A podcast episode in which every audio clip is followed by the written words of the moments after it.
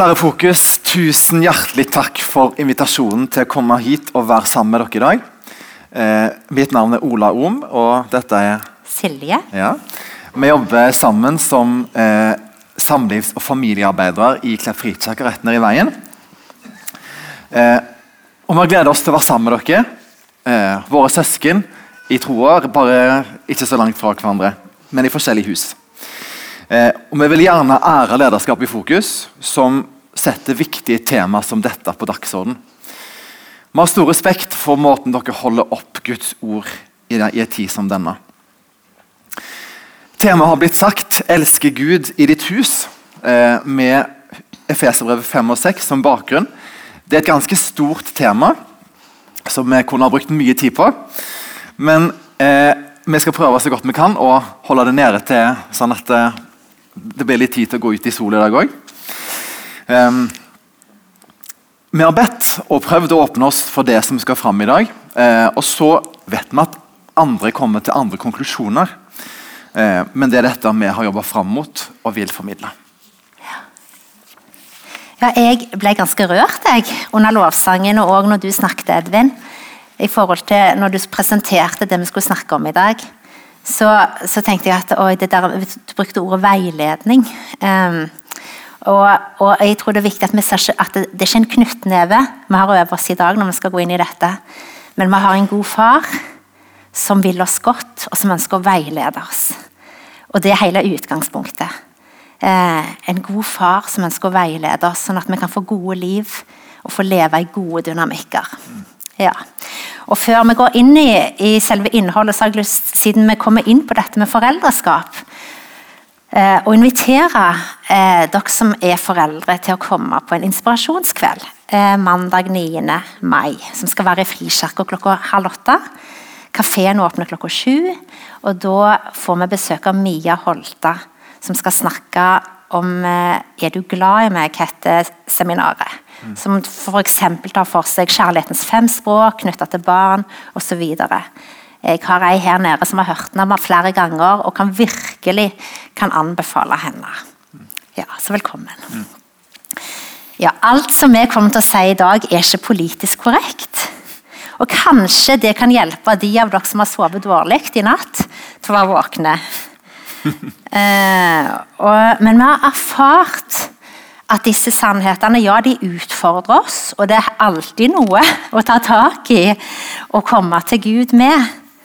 Men det er noe som er veldig frigjørende for livet vårt. Eh, og det er Guds gode ordninger som fungerer både for samlivet vårt, for foreldreskapet vårt og for arbeidsrelasjonene. Eh, og vi håper at vi kan gripe hvor utrolig god Guds vilje er for oss, selv om vi hører fra mange kanter at vi lever tross alt i 2022. Guds ord det står fast til evig tid. Og om vi leter inn i versene, så ligger det dypere lag til å bli kjent med Han, eh, og, og at det, som forvandler oss. Og Vi håper i dag at vi kan få snakke fra hans sitt hjerte og fra hans sin tanke til deres hjerte og til deres tanke. Og Det vi håper at dere skal sitte igjen med, det er at dette dype sett handler om å følge Jesus og om å være en disippel. Og at det handler om tilbedelse. At vi i møte med de relasjonene vi omgås i det daglige, kan uttrykke at vi følger Jesus, og at vi vil tilbe ham. Mm. Tror du på om vi skal få opp noen bilder? Yes, Så kan du gå til neste. Eh, vi tenkte at vi kunne si litt om hva som kan stå i veien for å ta imot det som Gud vil gi oss. Først fiendens listige løgner. Vi har jo en som prøver å stadig jobbe mot Guds rike. Han sier fortsatt 'har Gud virkelig sagt', både for å sette tvil om det Gud har sagt, og hensikten bak ordene hans. Og Hvis vi tenker tilbake til beretningen om syndefallet, så, så sier djevelen at Gud egentlig vil holde noe fra dem. Han vil også få dem til å tro at Gud ville begrense livet deres og stjele frihet og potensial. Og Det samme skjer i dag. Han, står, han, slår fremdeles tvil om at Gud er god, og at hans hensikt for våre liv er basert på hans kjærlighet til oss. Og Et grunnleggende spørsmål til oss blir derfor tror du og meg at Gud er god, til og med når han setter grenser eller rammer. For Hvis vi mister på den biten, kommer vi til å få problemer med mange ting som Gud sier. Men hvis denne grunnholdningen er landa i hjertene våre, så blir det at vi kan ta imot det som Gud sier, Kanskje vi må av og til gå noen runder med ting og kjempe litt. Det har vi måttet gjøre, og det tror jeg andre òg må gjøre. Men det river ikke ned det grunnleggende at Guds vilje er god for oss. Noe annet som kan stå i veien, det er gudsbildet vårt. Både hva bildet vi har generelt, men òg kanskje knytta til disse versene som vi skal inn i, eller andre utfordrende vers. Et av de ordene vi kommer til å snakke om i dag, som kan, kanskje kan reise seg spesielt hos kvinner, det er underordning. I bryllupet så valgte vi å ta ordene fra Efeserbrevet inn i ekteskapsløftene. Og jeg sa bl.a. helt konkret til Ola i kirka Jeg vil underordne meg deg som under Herren sjøl. For meg var ikke det truende. Men derimot fra min gode tante, som er feminist, ble det en reaksjon som skapte litt uro i benkeradene. Hun fikk nok noen skumle bilder i hodet av hva jeg holdt på å love nå. Eh, og det slo meg i forberedelsene til i dag at om bildet vårt av Herren sjøl, altså om gudsbildet vårt, ikke er så godt, så kan en bli skremt av disse versene. Vi vet òg at verset har blitt misbrukt for å holde kvinner nede. Og det er synd, for å si det rett ut, og ikke etter Guds vilje. Men om vi derimot ser for oss Jesus som denne Herren, der han vasker føttene til disiplene sine, har inderlig medfølelse med de han møter, der han tar imot barna, der han anerkjenner flere kvinner på sin vei, trenger vi da å ha noe å frykte. Ja, han var og han er en tydelig leder, men gjennomsyra av nåde og sannhet. Og Her vil jeg si til deg som har vanskelige erfaringer med autoritet, enten om det er til foreldre eller til andre ledere som har misbrukt makta si Gud ønsker å lege de sårene og skjønner hvorfor du har det sånn som du har det. De gode nyhetene er at han vet hvordan hjertet ditt kan bli lega. Jeg har selv fått erfare det gjennom sjelesorg, i min relasjon til Gud gjennom hans ord og gjennom nye erfaringer. Det er mye vi kunne snakket mer om akkurat det, men vi må gå videre. Mm. Ja. Så en tredje. Det har dessverre blitt en sannhet i kulturen vår at hvis noen er oss i autoritet, så er det det samme som undertrykking. Og Det er ren marxistisk tankegang. Det passer litt å snakke om Marx på 1. mai. gjør det ikke det? For Marxismen er bygd opp som kampen mellom forskjellige grupper. Barn mot foreldre, mann mot kvinne, heterofil mot homofil, hvit mot farga, fattig mot rik. Hvis vi sier at noen er over oss, så kan vi fort tenke at det er negativt. Det betyr at jeg mister frihet. Dette synet på verden kan ha sneket seg inn i tankene våre uten at vi har blitt klar over det. Men det har lite med Guds rike å gjøre, der Gud er over oss. Og det er frihet, ikke undertrykkelse. Frihet til Guds rike innenfor Guds rammer, ikke utenfor. Derfor, som det står i Romerbrevet, skal vi ikke innrette oss etter denne verden, men la oss omskape med at vi får et nytt sinn og kan dømme om hva som er Guds vilje, det gode, det som er til glede for Gud, og det fullkomne. Og så er det jo sånn at Vi som er her inne, vi har ulike utgangspunkt. Mange lever i familie og ekteskap. Noen er skilt, andre er enslige. Og I skriftavsnittet så nevner Paulus forholdet mellom mann og kvinne, foreldre og barn, og mellom herre og tjener, som vi vil dra over til arbeidsgiver og arbeidstaker. Men for å starte med noe som er felles for de fleste her, så starter vi med det som Paulus skriver om arbeidslivet. Da tar vi neste bilde. Til venstre er teksten sånn som den egentlig er. Og så har jeg gjort noen tilpasninger. Sånn at det kan liksom passe bedre til eh, kanskje vår kultur og sånn som Silje og meg tenker. Fordi at Når vi leser ordet 'slave' i Bibelen, så bare blam, kan, vi fort bla rett forbi og tenke at ja, men det er jo en fryktelig ting, og det, eh, det er ikke relevant for oss i dag. Men i den jødiske kulturen så kunne det å være slave handle om noe at eh, en skylder noen, penger f.eks., og at en da frivillig jobber hos skyldneren for å gjøre opp for seg. Ikke så ulikt det du og meg gjør til banken for å betale ned huset vårt. Derfor er dette aktuelt òg i dag. Vær lydige, skriver Paulus, som mot Kristus sjøl, med respekt og ærefrykt av et ærlig hjerte. Vær ikke øyentjenere som bare vil gjøre mennesker til lags, men Kristi tjenere som helhjertet gjør Guds vilje. Gjør tjeneste med et villig sinn. Det er Herren og ikke mennesker dere tjener. Det er Herren dere tjener, og ikke mennesker. Det kommer til å gå inn i denne talen. For det er det som er målestokken for Paulus.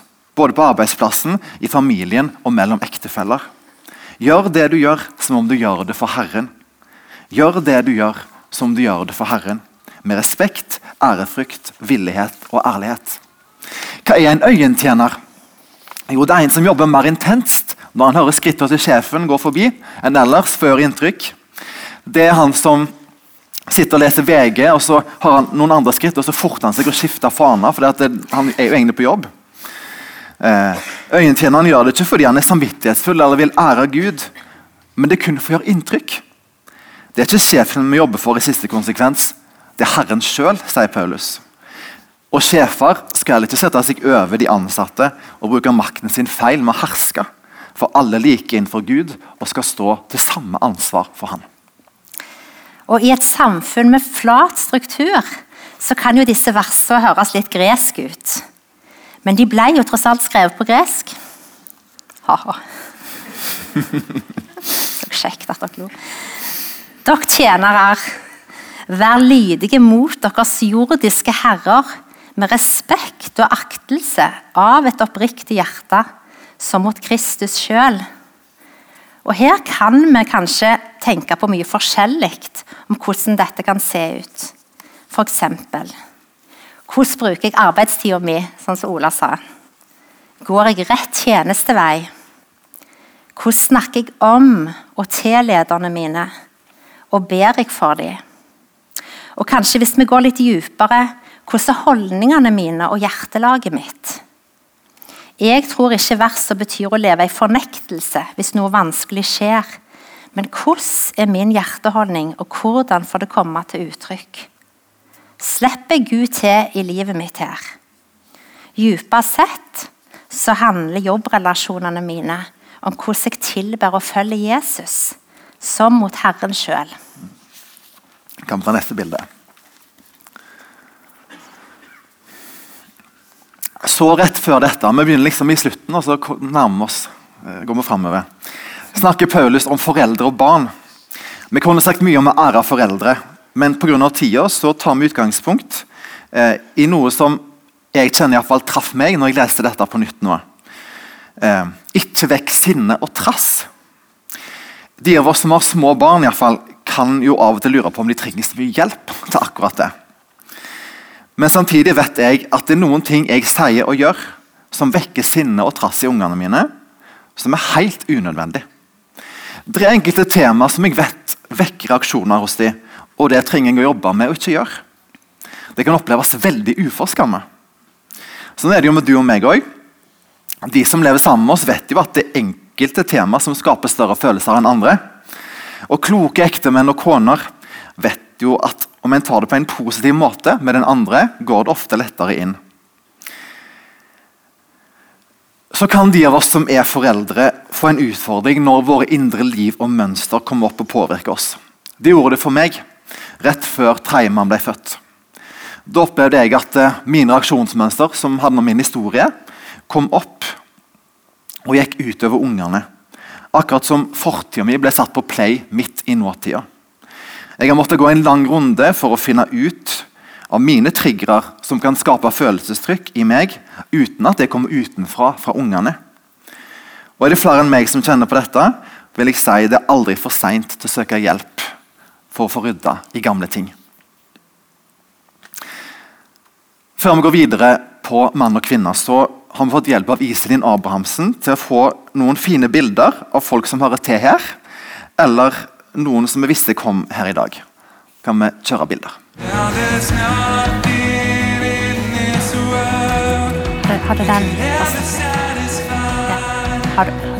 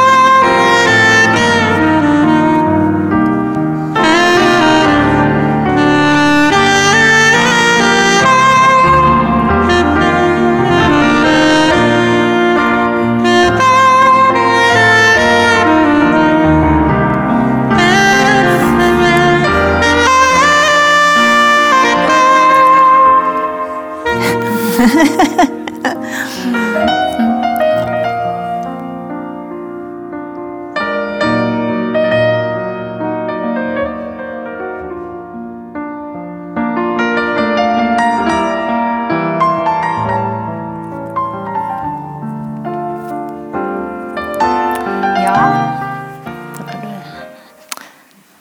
for noen flotte par. Noen var litt yngre. og Kjekt å se noen av de parene som er her i kirka. Eh, så nå skal vi gå inn om eh, den tredje delen, som handler om mann og kvinne.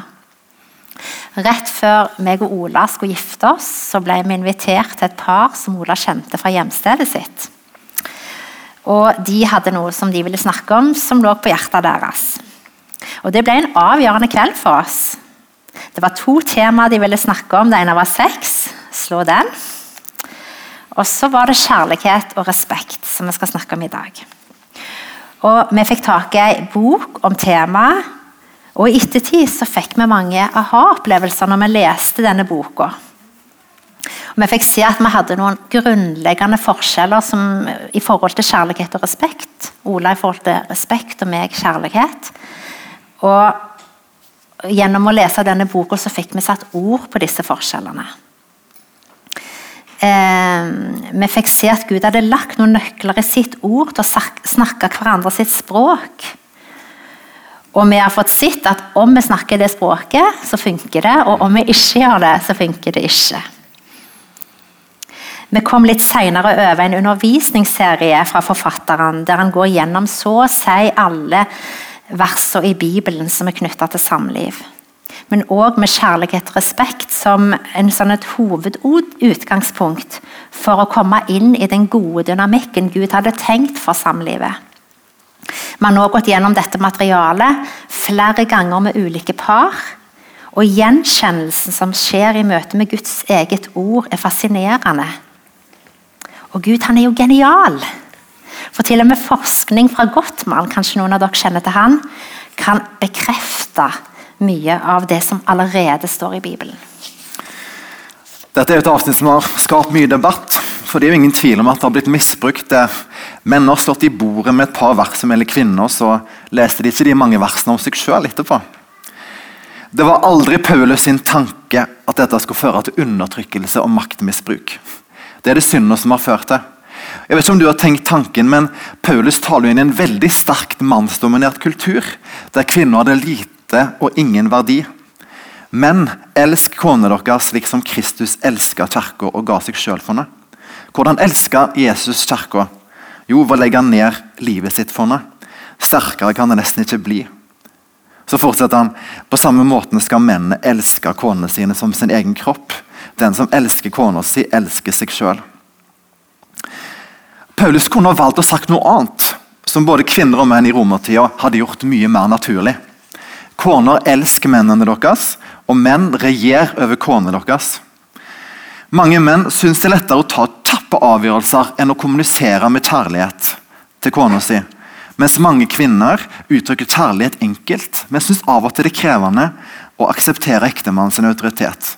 Men det er slående, for når begge to må gjøre noe som de ikke er sterke på, så trenger begge Gud for å utøve den rollen de har. Så til underordning. Dere kvinner underordner dere ektemennene deres som under Herren sjøl. For mannen er kvinnens hode. Hørte jeg et høyt amen?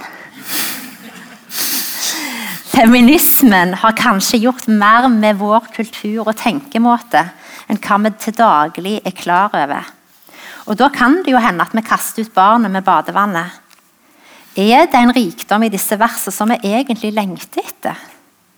At vi lengter etter at mennene våre skal reise seg og ta ansvar? At vi lengter etter at de skal få se at de er åndelige ledere?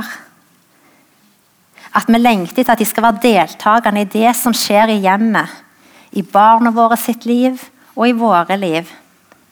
Jeg må være ærlig og si ja, dette utfordrer meg. Og det har vært mange ting vi har snakket om knytta til dette.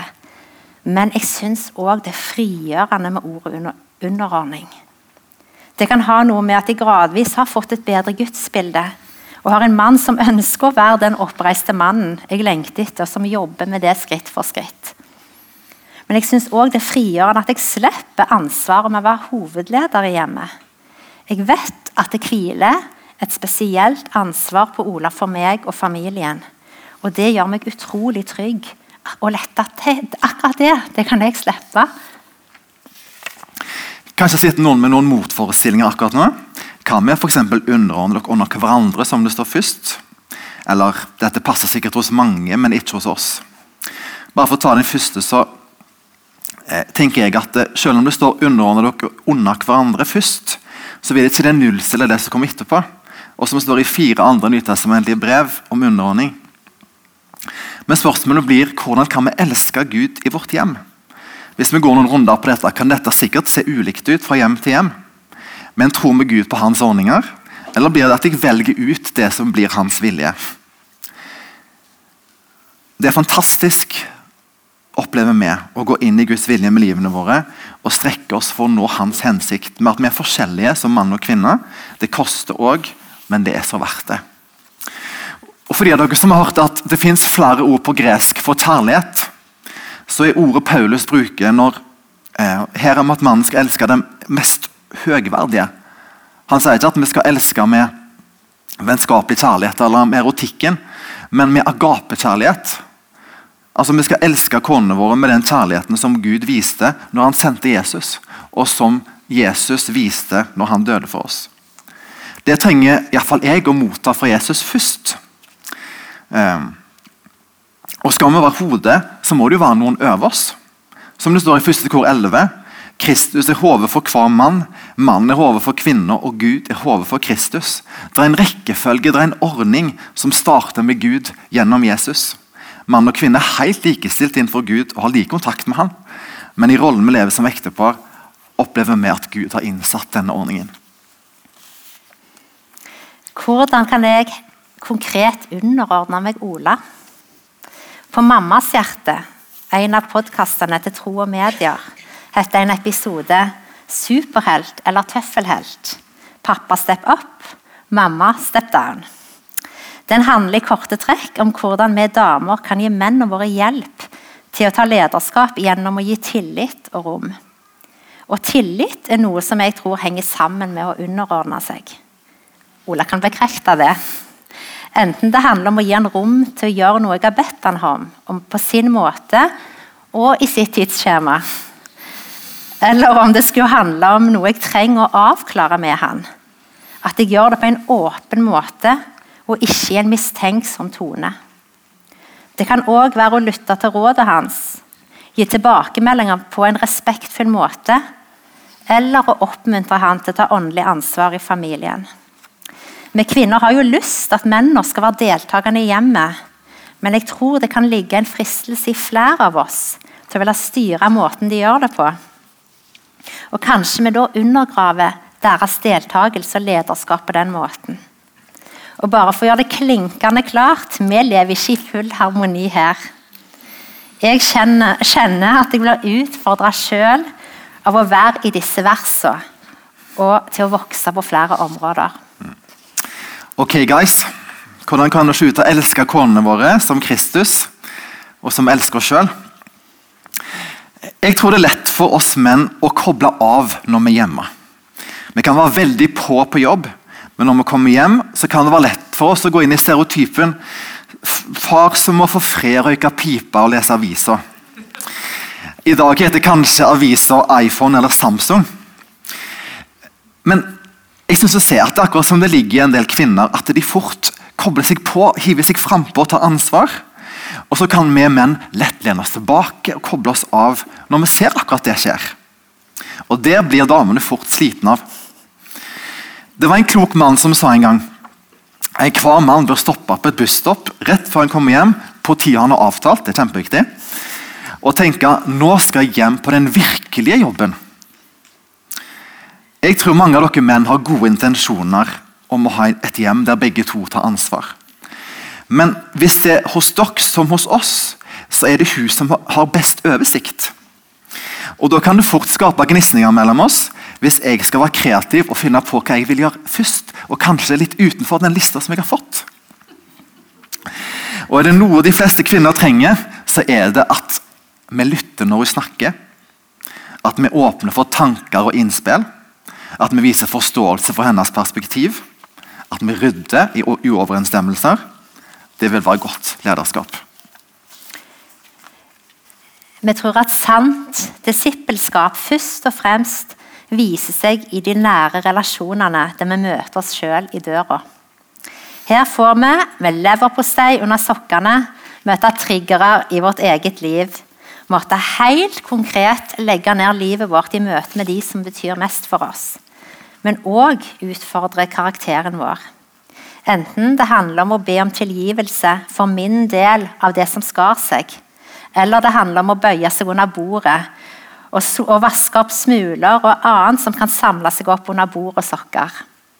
Det er så konkret, og vi får stadig en ny mulighet til å vokse i tilbedelse til Han gjennom våre valg. Lever jeg livet mitt hjemme for Gud? Gjør jeg det jeg gjør, som om jeg gjør det for Herren? Jeg tror mange med meg vil være enig i at ikke går en dag i møte med mine nærmeste der jeg får en ny mulighet til å vokse, til å bli mer lik Jesus. Men òg når jeg feiler, til å ta imot Guds nåde og gi nåde til mine nærmeste. Jeg tror å sette fokus og slippe Gud til på disse versene kan bli til tilbedelse til Han. Til og med når vi feiler om å rydde etter oss. Mm. Og Hvis du kjenner at, at, noe av dette treffer deg, så er ikke det viktigste i dag hva som har skjedd fram til nå. Og i fall Hvis noen sitter med fordømmelse, er ikke det vår hensikt. Vi håper aller mest at dette vi har delt i dag, kan føre til noen gode samtaler med deg og de du har rundt deg.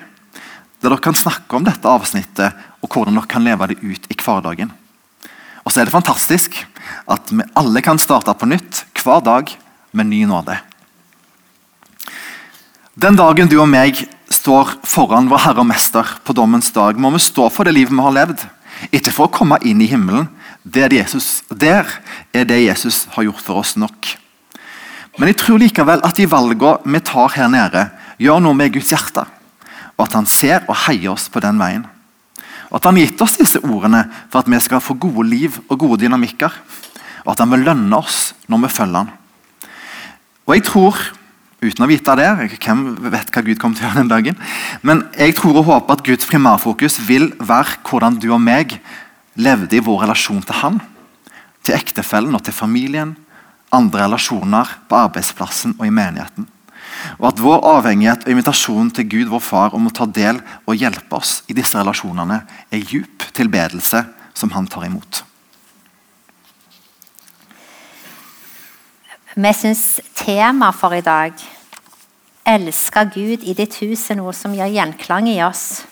Og Det er en sang som har surra i hodet mitt den siste veka, som vi gjerne vil at dere skal være med og også synge nå avslutningsvis.